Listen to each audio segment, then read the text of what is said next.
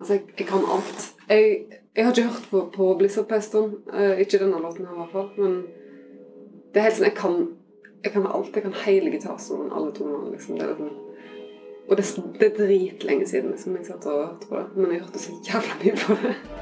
Theorizing that one could time travel within his own lifetime, Dr. Sam Beckett stepped into the quantum leap accelerator and vanished. This time. Anytime at all Time and time again Guess it's time to cry. Hei og velkommen til Radio Tidsmaskin. Um, Vi er fortsatt på Oslo-turné, så jeg har fortsatt med meg Knut Martin Christensen. Hei, Marius. Og nå, ja, nå er vi jo litt sånn ordentlig på turné, for vi kommer på besøk i, uh, i et studio på uh, langs Akerselva. Eh, og, og det er ditt, det, Annelise. Ja, jeg eh, deler det med, rett nok med Frode Strømstad i OC King, men eh, vi sitter her og jobber og leker kontor og spiller alt mulig. Men uh, tusen takk for at du uh, vil være gjest. Vi har jo gjort et tapt forsøk på å få, få deg med før. Vi har til og med annonsert det på radioen for et par år siden at vi skulle ha deg som gjest. og alt. Så, men, eh, da, da Var det jeg som eh, svikta da, eller hva Eh, skjedde? Du fikk vel en betalt spillejobb, Ja. og det Vi innser hvor viktig vi faktisk er. Ingen... Det er det jeg lever av, tross alt. Så, Men ja, ser den. Ja, og, og, og det du lever av skal jeg i for seg snakke mer om i eh, neste uke, eller i neste sending, eh, da vi skal gå gjennom din eh, etter hvert ganske lange platekarriere. Det begynner å bli noen år, og ikke minst veldig mange utgivelser, så vi har vært nødt til å gjøre et ganske strengt, strengt utvalg. I hvert fall skulle telle alt som du har bidratt på i større eller mindre grad, så, så ble det ganske mye. Men først, Marius, så skal vi Gjett hva, vi skal til 90-tallet igjen. Ja, vi bruker jo å si til gjestene våre at de skal få lov til å plukke et år, og så sier vi gjerne året du var 14. Da Da bruker vi å ha påvirka folk, og da blir det jo mye tidlig 90-tall. Mange av oss var, var 14 på starten av 90-tallet, men du, du har jo i hvert fall valgt eh, ett år senere. Ja, jeg tenkte liksom konfirmasjonsåret ditt er kanskje det året da liksom alle sånn jeg vet ikke, Det er mye som kulminerer, da. Det er kanskje, kanskje det mest ubehagelige punktet i ditt liv, tenker jeg. Så eh, jeg fant ut at det var et bra år på grunn av det, og fordi at det dukker opp en del musikk som Om ikke alt var viktig for meg nå, eller er viktig for meg den dag i dag, så var det ganske viktig for meg den gang. Mm. Hvor var du hen i 1996? Jeg var i Etne. Mm. Gikk på ungdomsskolen. Jeg hadde, vel, jeg hadde vel kanskje akkurat begynt så vidt å spille i band, faktisk. Så, men det, det er ikke en tid som jeg tenker tilbake til som spesielt eh, bra. Ungdomsskolen er ikke liksom En, en har, får litt mer rom når en blir litt eldre og kan være eh, kan finne ut hva personen egentlig er, men på ungdomsskolen så er det ikke så greit hvis en er en type som stikker seg ut eller ikke liker det samme som alle andre liker. Så mm, det var mye på både in, internt ubehag, i hvert fall. Jeg så nok relativt veltilpassa ut sånn utad, men eh, det var, jeg tenkte mye på hvor fantastisk ting kunne bli hvis jeg eh, kom meg ut av Du hadde rukket å finne ut at du ikke skulle bo i etten resten av livet. Ja, det tror jeg jeg var ganske klar på. Jeg tenkte i hvert fall at jeg må ut og se hvordan verden er utenfor. Da er det vanlige spørsmålet, vi kan ta det før vi tar første låt. Eh, Marius, eh, hvordan fant du denne musikken? Veldig masse av det kommer fra ei kilde. Jeg lurer på om dere har snakka med andre folk som har den samme kilden. Men eh, jeg hadde jo ikke internett. Eh, og jeg hadde ingen venner omtrent som hadde samme musikksmak som meg. Og listepop dominerte jo voldsomt uh, i etene. Eh, og så jeg Men det fantes et norsk musikkmagasin som heter Beat. Og det kjøpte jeg hver gang det kom ut, og så leste jeg det fra perm til perm. Jeg leste alle anmeldelsene i bit.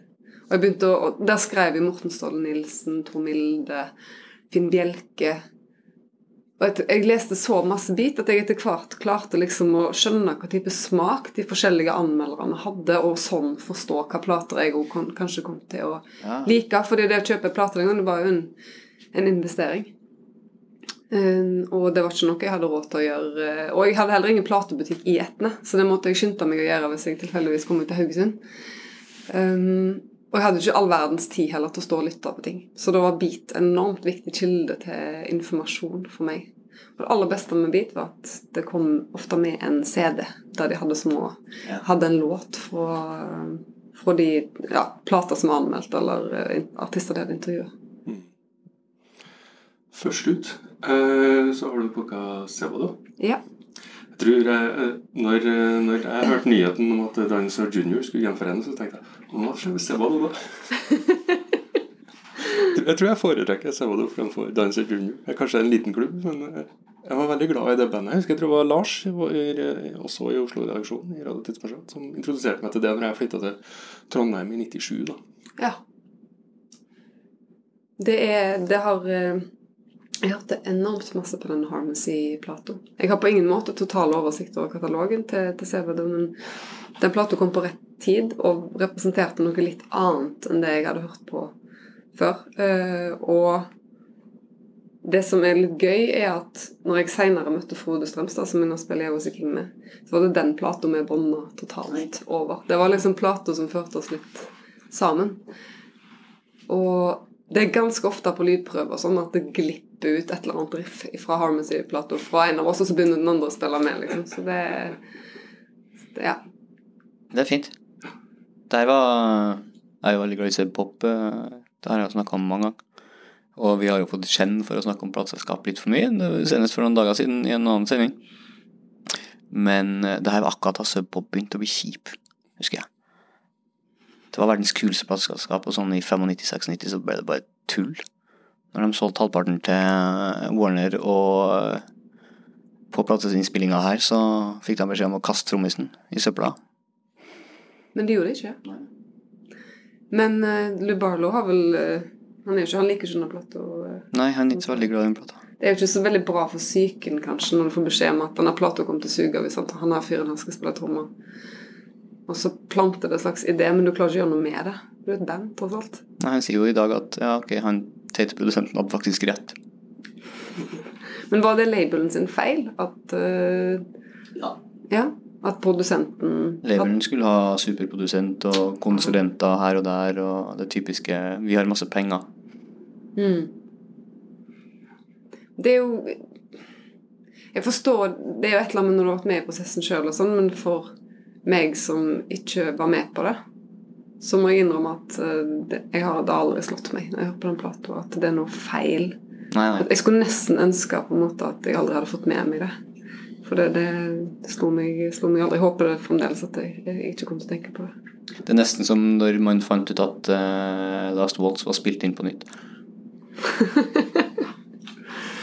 Ja, vi spør blir spennende, da. Vi skal høre To Pure fra, fra Harmacy. Hei, nå hører du på en versjon av denne sendinga hvor vi har eh, tatt ut musikken av rettighetshensyn. Om du har lyst til å ha eh, musikk i musikkradioen din, så finner du hele sendinga med låtene i på radiotidsmaskin.no. Men, det er det jeg tenker på, sånn som jeg hører den derre Wild Mood Swings-plata til Cure, som var mitt møte med, The Cure. Så tenker litt sånn Guri malla, det er jo ikke en spesielt bra plate. Nei, det er jo ikke det. Eh, Men nå foregriper vi kanskje begivenhetens gang. jeg vet ikke. Vi, er- vi, det er jo en tidsmaskin. Vi kan foregripe det. Det, det, er, ikke, er ikke bra? da? Det er ikke sånn radiofolk gjør? da, så Tise ting som kommer mot Ja. av sendinga, sånn at folk skal liksom være med videre. det ryktes som ei eh, helt OK Cure-plate i løpet av neste time. eh, to av de bandene du har plukka ut, har jeg Det syns jeg var litt morsomt. Har jeg tatoveringer med, eller om eller på, eller hva jeg nå skal si. Det Eh, høres ut som et godt tegn, da. ja, Ja. det er jo det. Ehm, det neste vi skal høre, er en av dem. ehm, så kan du i løpet av eh, de neste ti minuttene gitt hvem de andre av de andre det- du har plukka Det er en ut. bra, det er en bra quiz. Eh, Motorcycle. Ja. Bra band. Mm. Veldig viktig for eh, meg for å skjønne at norsk musikk var bra. Eh, Hvem av dem i Beat var det som anmeldte Motorcycle? det kom ikke fra Beat. Det, det kom faktisk fra en av de som jeg begynte å spille i band med etter hvert. Um, han bare, jeg tror bare han name-droppa det litt, og så hadde jeg Det hadde gått litt sånn rykter altså, Jeg hadde ikke så mange venner som interesserte musikk, men jeg hadde liksom fått med meg at det var et eller annet som drev og rørte seg i Trondheim. Det hadde sikkert stått et eller annet om det i, i Beatle. Men, men uh, Blizzard var den første plata jeg kjøpte, og den kjøpte jeg faktisk mer eller mindre uhørt, tror jeg. Jeg bare tenkte at dette her må, dette må jo være noe. Oh. Ja, da traff du godt. Ja. Skal vi høre låta, Marius?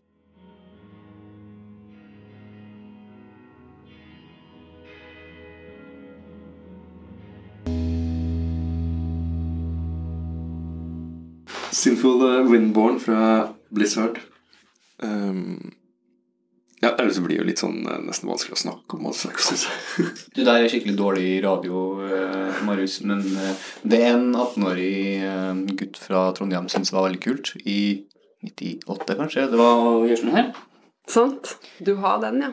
Så ja, da har jeg da tatovert logoen eh, bak i nakken. Jeg er glad jeg ikke ser den. Ja, uh, Vi skal jo snakke om, om din uh, musikk etterpå, uh, Annelise. Men vi må jo nevne Trio Søt nå, da. For det, der har vi ingen offisielle utvidelser som vi kunne ta med. Så jeg tror ikke vi har med noe av det i neste sending. Nei, det fins bare bootlegs. Ja. Det lå ute på Motorpsycho sin fanklubbside, altså den norske siden, uh, en stund. Jeg vet ikke om det ligger der ennå. Det kan godt være. Men vi har jo aldri Jeg har aldri spurt om lov. Det var jo liksom Det var litt en blanding av Jeg syns det var veldig gøy å gjøre det, men jeg syns òg det var Rockeren i meg syns det var litt pinlig òg, på en måte. Så eh, jeg turte aldri å spørre. Så jeg tenkte det var bedre at det aldri blir gitt ut, så slipper jeg å forholde meg til, til opphavspersonene bak der. Men, men hvis vi nå har lyttere som ikke kjenner til Triosøt, Ja. så var det eh, Dere sang eh, Motorpsycho på norsk. På nynorsk. Nynorsk. nynorsk. ja. Mot dialekt, ja. Mm. Og to, eh, to venner fra videregående som eh, Vi hadde egentlig Vi sang litt i lag eh, når vi gikk på videregående. Vi drev og Vi var veldig gammeldagse folk. Jeg drev egentlig med rock, men i lag med de to her så sang vi sånne, vi sang sånne a cappella tristemte Griegshvisker. Opptrådte masse på sykehus og gamleheimer og kledde oss i bunad. Og, det var sånn nasjonalromantikk på, eh, på et intenst eh, plan. Um, og så tror jeg det var en eller annen sånn festidé når jeg tenkte at hva hvis vi bytter ut Grieg med Motorpsycho? Og um, de var skikkelig skeptiske til det, selvsagt. Men eh, jeg tror jeg bare fikk overtalt dem til å prøve. De sang jo, de sang jo først og fremst klassisk, så uttrykket ble jo eh, Det ble jo klassisk sang. Um, og jeg vet, jeg syns det var veldig morsomt og litt kult, eh, men jeg var veldig usikker på eh, om dette her var noe vi kunne dele med verden. Så jeg tror det var en av de andre som organiserte at vi gjorde en eller annen konsert oppe på Chateau Neuf eh, her i Oslo. Og da lagt det ut da, til fansen. Så, for det noen tok opp den konserten. Og så eh, havna det på nett, og så, eh, så var det gjort. Og så viste det seg at de som var skikkelig glad i motorsykkel, faktisk likte det der veldig godt. Det var jo gjort med kjærlighet, men det er ganske tøysete innimellom en del av de oversettelsene òg, altså. Har det kommet tilbud om eh, europaturné? De er jo ganske dedikert, de her menneskene. Du mener det er et marked for motorpsycho på nynorsk nede i Europa? Vi, eh, den sendinga vi har gitt ut på Radio Tidsmasjon som har mest lyttere, den tror jeg har 3500 lyttere, og jeg lurer på om eh, 2500 er ikke skjønner norsk. Aha, Mhm. fantastisk. Så de sitter og lytter på og bare prøver å ta ut en bruddstykke av hva Bent snakker om. Du skal notere meg at det finnes karrieremuligheter for Triosøt eh, nedover i Ja, det vil jeg tro. Ja, Mm. jeg tror Hvis vi skulle ha lagd en populær podkast, så skulle vi bare snakke om motorpsycho. det er På engelsk gjerne, det. Ja, Nei, men send, eh, send noe til Stickman, så Når var det, forresten? Du, du nevnte videregående. eh, Videregående, altså møtte disse jentene møtte jeg jo da i noen år, altså type i 97-98 da. Så det var litt, eh, litt etter at jeg oppdaga motorpsycho. Og det tok nok noen år før jeg introduserte denne her ideen om å, å, å synge Motorpsycho. Og så Ja, så det ble ikke noe av før Men dette her gjorde vi jo ikke før innpå inn på 2000-tallet en eller annen gang, tror jeg. Så Vi får skru, skru klokka tilbake til 1996 og fortsette på de, de låtene du har plukka ut. Eh, vi snakka så vidt med Seid i den sendinga som eh, kom i slutten av eh, oktober, blir det da, 2018. For det, nå sitter vi for å holde orden på tid. Vi sitter og spiller inn der i november 2018. Det kommer jo ikke ut før i, i januar et sted. Um, og da var det litt sånn spørsmålet om det var lov å like REM eller ikke. Vi kom fram til at det var lov. Er det Jeg kjenner folk som blir lite juling for å stille deg spørsmål i det. Ja, hele ikke tatt. sant? Men, Det syns jeg var, jeg var ikke Hvorfor er det ikke lov å like R.E.M.? Nei. Nei, jeg tror nok altså, Det var vel ingen som egentlig klarte å komme på hvorfor det ikke skulle være lov å like REM, for å ha sagt det først. Men det er vel kanskje kombinasjonen av at de drev på såpass lenge og lagd såpass mye at det er vanskelig å like alt. Og så var det jo helt vanvittig svær, da. Et sted, et sted der på, på midten av 90-tallet. Um, De klarte det, da. De var liksom et, de var et gigantisk band, eller de ble et gigantisk band. Så var de fremdeles et band. Altså, det er jo Men jeg Den uh, New Adventures in Hi-Fi som kom ut i 96, er vel faktisk, tror jeg, den eneste R.E.M.-plata jeg har kjøpt. Mm. Eh, og det er nok fordi at jeg var på en veldig Jeg var veldig sånn sugde til meg eh, veldig mye det året der. Sånn at eh, Jeg kjenner jo til en masse R.E.M. eh, av det de har gjort uansett, men Men eh, den eh, Og det er jo en, kanskje en litt merkelig plate å sitte på hvis du først skal ha noe R.E.M. Men jeg syns faktisk det er en Av de tingene jeg begynte å høre på denne 90-tallsmusikken, så føltes det som om at det var en av de utgivelsene som hadde holdt seg Eller klart seg litt, da. Jeg tror kanskje jeg ikke har noe anstrengt forhold til det fordi jeg ikke hadde MTV. Så jeg fikk ikke alle de her hitlåtene i trynet hver dag, på en måte. Og jeg følte at jeg oppdaga R.E.M. sjøl. Mm. Det var liksom ingen som trykka det ned i halsen på meg. Det var noe jeg syntes selv var kult. Ja. Da må det jo være lov. Ja, jeg ble jo først introdusert av en, av en god venn av meg som introduserte mye musikk til meg akkurat i de årene der, og det var på den Losing My Religion-plata. Eh, Så det var jo i og for seg en stor MTV-hit, det, men han, det var ikke noe, da hadde ikke R.E.M. kommet til Steinkjer ennå, for å si det sånn, med, med den plata. Det var med Automatic for the People, og den var umulig å komme unna. altså. Mm. Det, det var den jo, men, eh, jeg husker altså jeg, Og da tror jeg nok at jeg fikk litt sånn overdose sjøl om jeg i utgangspunktet syntes det var veldig fint. Men jeg har også en kompis som, som fikk meg med videre på den her, da, en annen en som, Ja. som, som var R.E.M.-fan. da. Men eh, jeg tror nok når, når jeg hører på det i ettertid, så tror jeg altså særlig den låta som du har plukka, 'Ebo uh, The Letter', stikker seg ut. da. Mm. Den er jo helt vanvittig fin. Veldig fin. Uh, og som jeg innså i ettertid, at det var første gangen jeg hørte Patti Smith, sannsynligvis, var på, var på den sangen. Hun synger i refrenget. Det var jeg faktisk ikke klar over. Det er en god intro, da. Ja.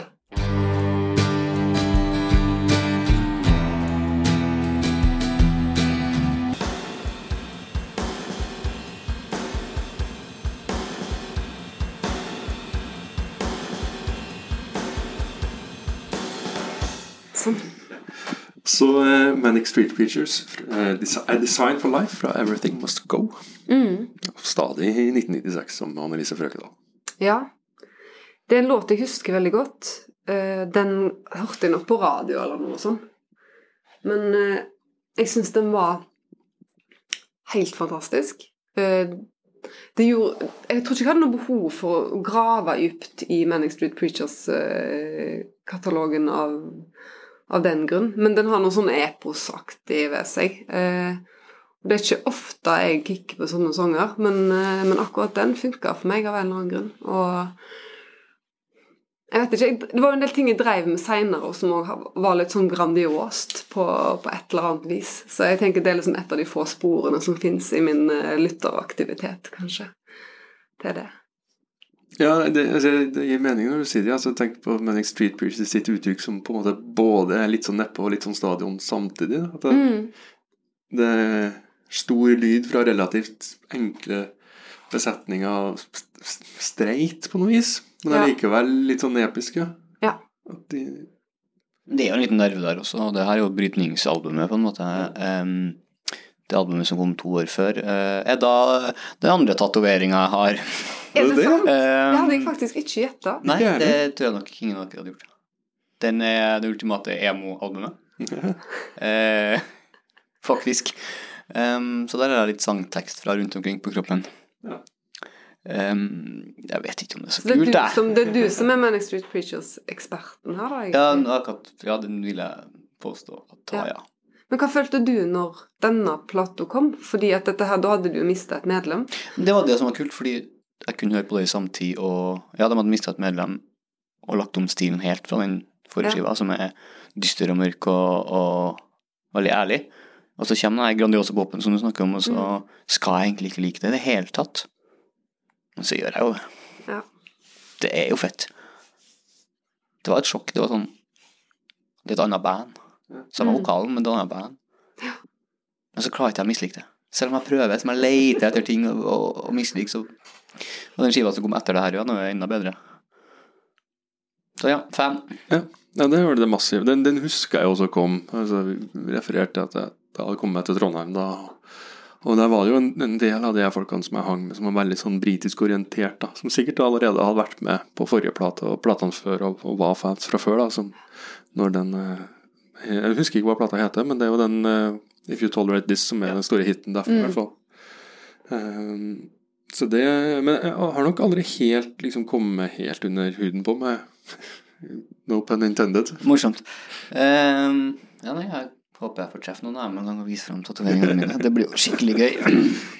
Ja, Har du, har du vist av motorpsycho-tatoveringa di til noen som spiller motorpsycho? Ja da.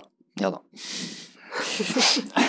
De har vel sett det noen ganger, kanskje Ja. men Akkurat det er vel eh, dokumentert i Adressa-reportasje også? Eller Men Avisa eh, om det.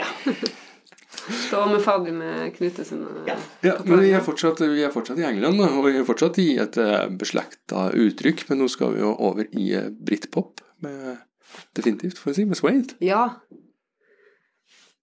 Eh, jeg Suede var også sånn Jeg hadde jo ikke MTV, jeg var jo helt Det var jo helt tilfeldig hva jeg fikk med meg, men jeg hadde fått med meg at de fantes. Jeg har sikkert sett et bilde av dem eller noe sånt.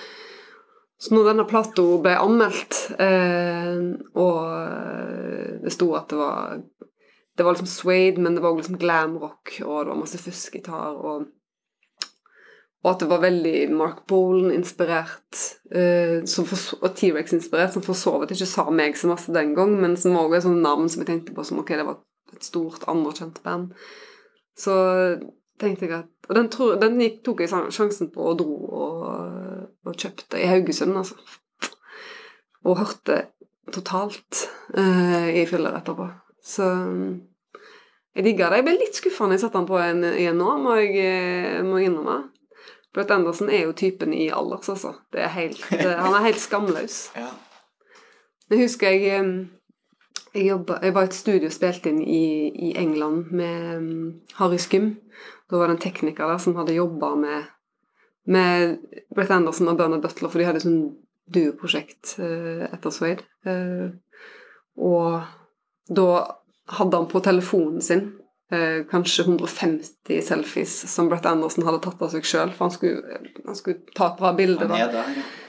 Så jeg husker at jeg tenkte litt sånn Ok, det, ok, det er kanskje, kanskje litt klein fyr òg, men jeg digga han, og jeg hadde en veldig sånn oppheng i han ganske lenge. Jeg klippte meg til og med, sånn som Brett Andersen. Ja. Jeg liker at de uh, hadde audition på gitarist når uh, Bernhard Butler slutta. Så hadde de bare 400 gitarister inn og bare Nope, nope, nei, nei. Å, ja, ok. Du er med nå. Hvem er det som orker å høre på 400 gitarister? Det må jo feile deg noe.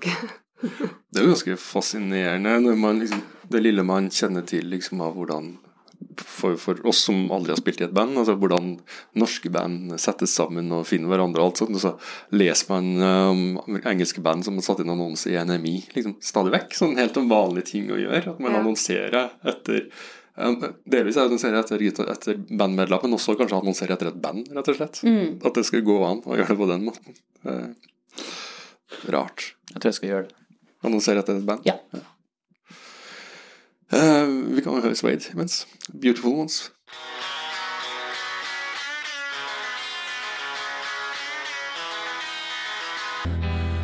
are coming out of weird where I am when I need Ja, og, og The Bends, Radiohead. Eh, The Bends fra The Bends. Eh, og ja, Knut Martin, det var det jeg trodde du hadde tatovering av. Selvfølgelig.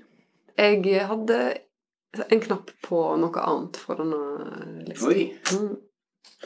Det er bare sagt. Men uh, bra band, da.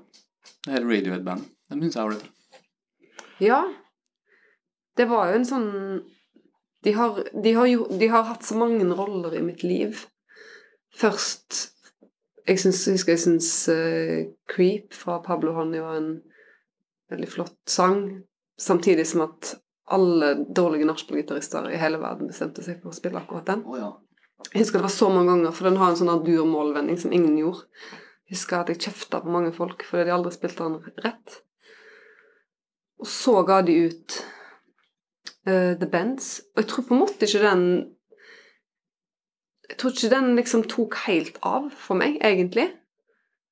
Men jeg husker at jeg tenkte dette bandet her kommer til å gjøre noe helt sinnssykt. Jeg hadde, av en eller annen grunn så var det noe med The Bends som gjorde at jeg jeg likte det, og det var kult, men jeg bare følte at det var et eller annet stort på gang. Jeg vet, aner ikke hvordan jeg visste det, men den dagen OK Computer kom ut, så, så var jeg i butikken og jeg sto der, og butikken åpna omtrent, liksom, og bare kjøpte den. Og det var liksom ja. Og det var den Radiohead-plata som jeg virkelig hørte masse på. Så, så The Bands var på en måte Den hadde en viktig funksjon uten at det på en måte var kanskje høydepunktet. Det er god skive likevel. Det er, bra, det er virkelig en bra skive. Jeg tror bare jeg følte at de hadde noen sånne De begynte å bli liksom, De var litt odde. Eller de begynte å gjøre noen litt rare ting. Ja. Så jeg tenkte at det var noe mer på gang. Det var ganske tregt for dem også. De ble jo aldri OK Computer og tok jo tid før bandet på en måte ble stort internasjonalt band. Det var jo det et godt stykke ut i OK Computer etter releasedatoen, liksom lenge etterpå. Så det var litt sånn Ja, og For mitt hode så eksploderte karrieren deres den dagen den flotte kom ut. Ja, nei, det tok faktisk litt tid å, å, å breake. Og det her er jo etter Creep og etter eh, ja, det store singler, men likevel Mm. så var det turnering og turnering og turnering og turnering. De skal ha for at de jobba. De gikk på jobb. De har jobba. Så har de Så når du fikk Radio litt på avstand, og de gjorde en del elektronika, mer elektronikating, sånn, så ble det òg sånn band som var liksom gøy å hate for en del folk. Oh, ja. Og inkludert meg sjøl. Elsker ikke det. Mm? Jeg elsker Ja, ikke det. absolutt. Jeg har hørt masse på en del av de senere platene òg. Men det er jo ingenting som er morsommere enn eh, en, en Radiohead-parodi, for eksempel. Eh, Shreds med Radiohead. Dere har sett Radiohead Shreds? Oh, no. Det er jo at noen andre har tatt seg bryet med å spille og synge, bare litt dårligere enn bandet. og, og gjerne over en musikkvideo eller en, en live-video. Og av en eller annen grunn så blir det ekstra morsomt når det skjer med Radiohead. Og det er fordi det er et eller annet alvor der, som også kan bli liksom litt grann pinlig hvis noen påpeker det. Så, og det har kanskje òg vært det som har bitt de litt i ræva i seinere tid, at det har blitt for selvhøytidelig på noe vis. Men jeg er fremdeles glad i bandet, og jeg var så de når de spilte i Spektrum. Det var Jeg var på konsert nummer én. Det Det var veldig, veldig bra. tror jeg jeg òg var. Jeg digga det i hvert fall. Det var skikkelig kult. Det var en grei katalog Ja. å skru sammen til en konsert. Og for den som sitter og tenker Men kom ikke den plata i 95? Så spurte du pent om du kunne ta med den her fordi at singelen kom i 96. Ja. Og det er selvfølgelig innafor. Yes. Litt juks, men lov. Nei, så, så, så strenge er vi ikke.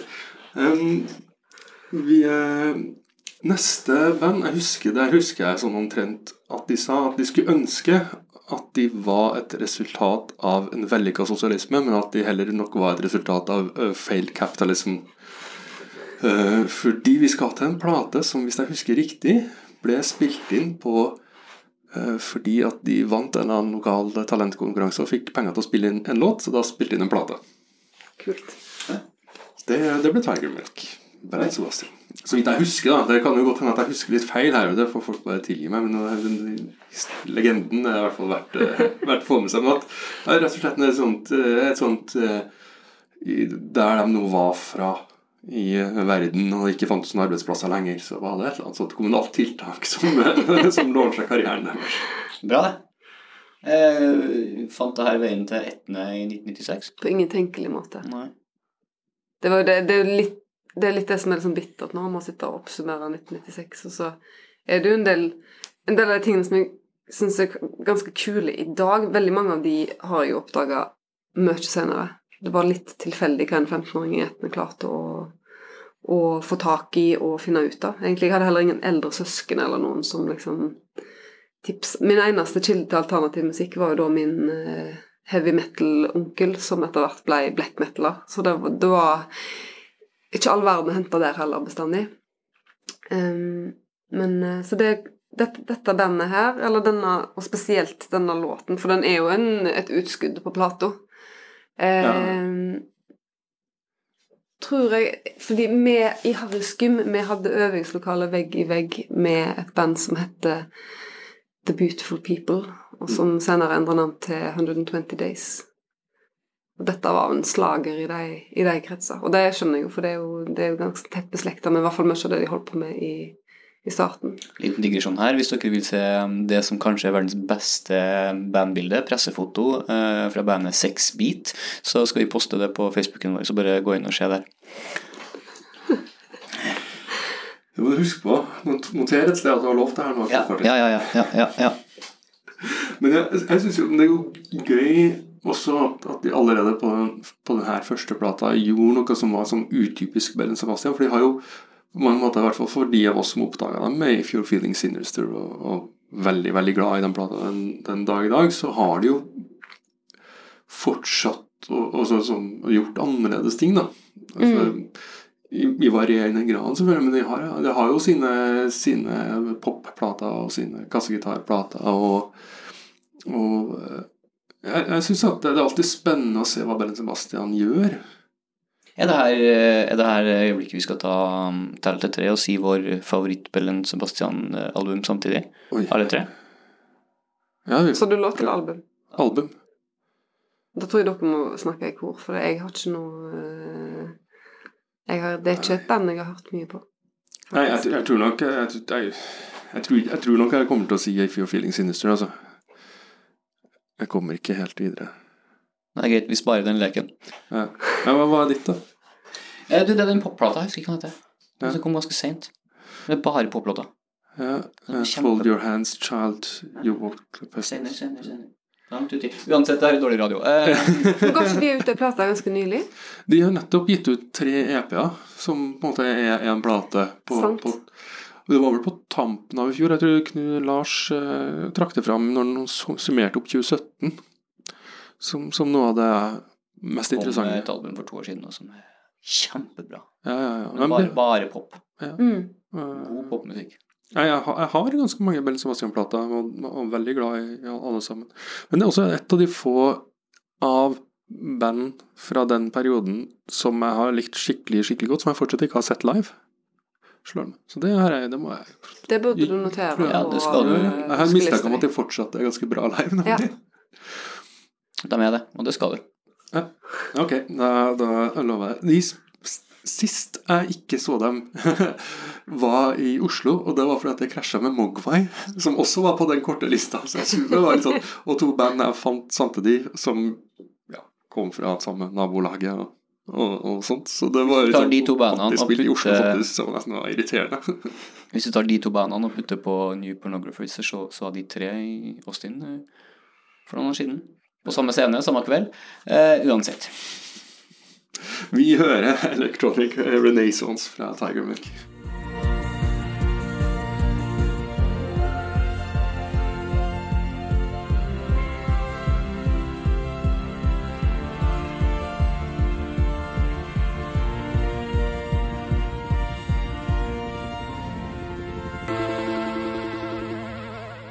Ja, vi eh, Har vi kommet til at du har gjetta Har du gjetta den andre Nei, nå Sorry. Du, det du kanskje lurer på, er om jeg Om det var Om jeg nå har kommet til det bandet som det det har, er bakgrunnen for å knutes For jeg ser for meg at det, at det er mange som har tatoveringer knytta til The Cure. Ja, og jeg trodde jo at det var Cure. Er du fan? Ikke nok til å tatovere, nei. Nei. Skjønner. Det er jeg nok ikke. Jeg Men det var veldig At det skulle være Manic Street Preachers, det er et sjokk, altså. Jeg ser at den er litt rar. Jeg skjønner ikke hvilken Cure-tatovering man skulle hatt. Er det en sånn standard? Nei, det er kanskje problemet. Det har kanskje ikke noen sterke grafiske elementer. Jeg har aldri tatovert meg, jeg har ikke peiling på tatoveringer. Ikke. Ikke gjør det. Anbefales ikke. Ja, jeg, jeg, altså, litt Jeg hadde veldig sterkt møte med én Kirby, Kiss Me, Kiss Me, Kiss Me. Mm. Når jeg flytta til, til Trondheim. Da var det, det var riktignok den eneste musikken jeg fikk ut av det kollektivet jeg bodde i, men der var det ei som, som hadde den på CD, da. Mm. Så da tror jeg oppdaga The Cure. Eh, men det er jo mye tidligere plate enn en Wild Boot Sphinx. Ja. Og jeg var ikke like heldig som deg, da, for jeg eh, Dette er mitt første møte med The Cure. Jeg, eh, jeg usikker på hvorfor jeg bestemte meg for å sjekke de ut, men jeg altså Robert Smith var en ganske ikonisk eh, karakter. Så jeg begynte å koble eh, Skjønte at det var Dette var bandet hans. Jeg hadde sånn garantert sett han et eller annet sted. Det er helt absurd, egentlig, at du baserer liksom hele sånn lytterlivet ditt på helt sånne bare små impulser her. Det fantes ikke noe system. Men denne her kom da altså ut, og jeg eh, investerte og hørte masse på denne plata. Mm. Og den sangen vi skal høre, var den første sangen jeg hørte. Det var vel en singel, tror jeg. Det var en singel, men Det er en kjemperar låt. Ja, det er en rar, rart singelvalg. Det er Men hele plata, altså tittelen passer det, det skal de ha. De fant en tittel som passer på plata, den heter Wild Mood Swings. Og du har liksom litt av det der dystre, langtrukne goth cure. Og så har du litt sånn lettbeint pop à la Friday I'm in Love-opplegget. Samtidig som du har cure med liksom mariachi-komp. Så den er litt sånn all over the place. Jeg digger alt i Men det, det jeg har tenkt på når jeg har hørt denne sangen her Den er veldig rar, men jeg syns Robert Smith synger ganske bra. Jeg husker jeg var veldig opptatt av stemmen hans. Det likte Det har vi hørt veldig mange briter nå. Jeg har fått en del kommentarer på at jeg synger med britisk uttale sjøl, men kan jo begynne å ane hvorfor. Å ja. Ja, du har jo Eh, men, men jeg Og det, når jeg fant tilbake til denne her nå Jeg har nok ikke hørt på denne plata på sin, nesten siden den gang, egentlig. Men så slo det meg igjen at åh, jeg elsker stemmen til Robert Smith. Og den er jo ikke Den er kanskje litt sånn stygg-pen, men det appellerer ofte mer til meg enn hvis folk synger for eksempel bare veldig fint. Den er jo, den er jo ikonisk. Stemmen også, ikke bare figuren. Mm. Det er også et sånn band som har gjort helt sinnssyke ting. Da. Altså, var, altså Wild Mood Swings, altså variasjonen på, på de forskjellige tingene de har gjort, tross alt, da, og gjennom så innmari mange år. Det, så når Kiss Me, Kiss Me, Kiss Me kom på tampen av 80-tallet, så hadde de holdt på i ti år allerede. liksom. Ja. Og, det, og de hadde ennå ikke gitt ut Friday I'm in Love. Ja. Ja, det, det, det er, når du begynner å liksom oppsummere, så har de laga masse bra ting. Jeg hørte masse på den Standing on the Beach, som er den singelsamlingen fra de første ti årene, eller hva det er. Eh, og det er, det er så utrolig masse bra, da. Det er nok min favorittdel av Cure-katalogen nå. Ja, men men jeg tror nok at når jeg da oppdaga Kiss Me, Kiss Me, Kiss Me, når den allerede var ti år gammel, så kom det noen Cure-ting da som jeg kjøpte på CD-singel. Ja. Det ble ikke noe innertier, altså. Det, det, det, har jeg, det har jeg glemt hva var. Det klarte jeg ikke å høre noe på. Så du hadde faktisk en Du, du kunne kjøpe noe uten å elske det? Ja, jeg tror Jeg vet ikke hvorfor jeg kjøpte den, eller at jeg, at jeg plukka opp i en sånn femmer-bind eller et eller annet sånt. da. Mm. Men jeg, noen, noen, noen CD-singler kunne jeg gjøre det på, ja. Men det var en kort periode av livet mitt at jeg kjøpte CD-singler. Det var en sånn rar ting. Ja. Eh, Men ellers så tror jeg nok altså Noen år før, da jeg fortsatt, fortsatt bodde på Steinkjer, så, så var det nok sånn at hvis jeg først hadde kjøpt en plate, så skulle jeg være ganske sikker på at jeg likte den før, før jeg kjøpte den. Og hvis jeg først hadde kjøpt den, så skulle jeg nok høre på at jeg likte den. Altså ja, nesten. det er litt sånn. Eller Nesten bra. Jeg hadde et par vonde, vonde møter jeg innså at det her er faktisk ikke noe bra. Jeg har prøvd å overtale meg sjøl til at det her er bra, men det går ikke. Går dere og ser eh, The Cure live? Jeg har aldri sett de. Nei, jeg har aldri Jeg har jo litt noe sånn dere har lyst til, da, egentlig? Eller sånn, det, dere har ikke oppsøkt dem? Nei, men jeg oppsøker jo ikke gamle helter. Litt sånn av prinsipp. Nei. Men uh, Mitt problem med dem er at de uh, spiller for lenge. De spiller for lenge. Det, det er sånn tretimerskonsert, og du, til og med på festivalgig så har de fått uh, spot, spot, spotten til to andre band og bare Ja. spiller og spiller og spiller, og så blir det litt sånn jeg kommer til, å- hvis jeg befinner meg på øya i sommer, så kommer jeg til å dra og se dem, ja. Ja, ja. Det, det Det er sant det de skal spille på øya, de. ja De gjør jo gjør... sånne, sånne karriereoppsummeringsgigs nærmest nå. Da. Vi, de feirer noe jubileum og drar og ringer til festivalen og spør om de får lov til å spille. Det er søtt. De hadde ringt til Roskilde, de hadde tatt kontakt med Roskilde og spurt om de fikk lov til å spille. Og hadde tatt kontakt med, De hadde liksom ringt til, til Klas. Ringer de mange festivaler, eller ringer de bare de de har At de har liksom funnet noen kvalitetsfestivaler som de Jeg har fått med meg at de har ringt Roskilde og Øya. Eh, Det, det har jeg, så det er jo ganske ålreite festivaler, det. Det er det jo. Jeg tror ikke de trenger å Jeg tror ikke de får så mye nei. Men det er veldig Jeg jeg håper jeg får sett den konserten. Det er jo litt sånn i Jeg spiller jo ofte litt Ja, det- sjøl i den tida der, men mm. det hadde vært gøy. Jeg er òg litt skeptisk til å oppsøke gamle helter innimellom. Men hvis det kommer rekende på ei fjøl, så Hvis som det gjør her, så- eh, ja. i sommer, så, så skal ikke jeg gjøre meg vanskelig, altså. Det er ikke dårlig i det hele tatt. Jeg bare syns det er litt for mye. Du har sett den? Ja, og jeg har det samme, men jeg har det samme problemet med mange, band. Det, det blir for Når katalogen er 30 album, så Og du ikke klarer å skjære bort noe, så blir det litt voldsomt. voldsomt. Vi um, begynner å nærme oss slutten, eh, men vi skal høre eh, The 13 før vi liksom tar siste runde med, med denne sendinga.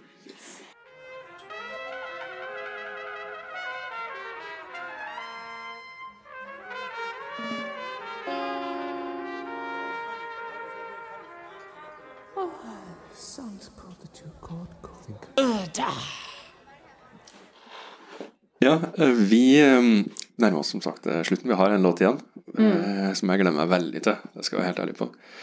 Men før det så er det jo sånn at du skal få lov til å låne tidsmaskinen vår også. Å, steike, det var sant, det.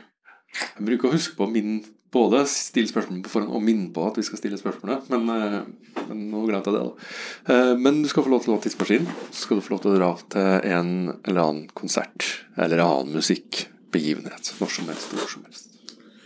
Det er et eller annet med det at når du, har, du får så stor frihet, så blir det nesten et problem. Ja, det er et For det, det er for masse å velge mellom. Uh, jeg har tenkt en del det, Den der syns jeg faktisk var skikkelig tøff å svare på.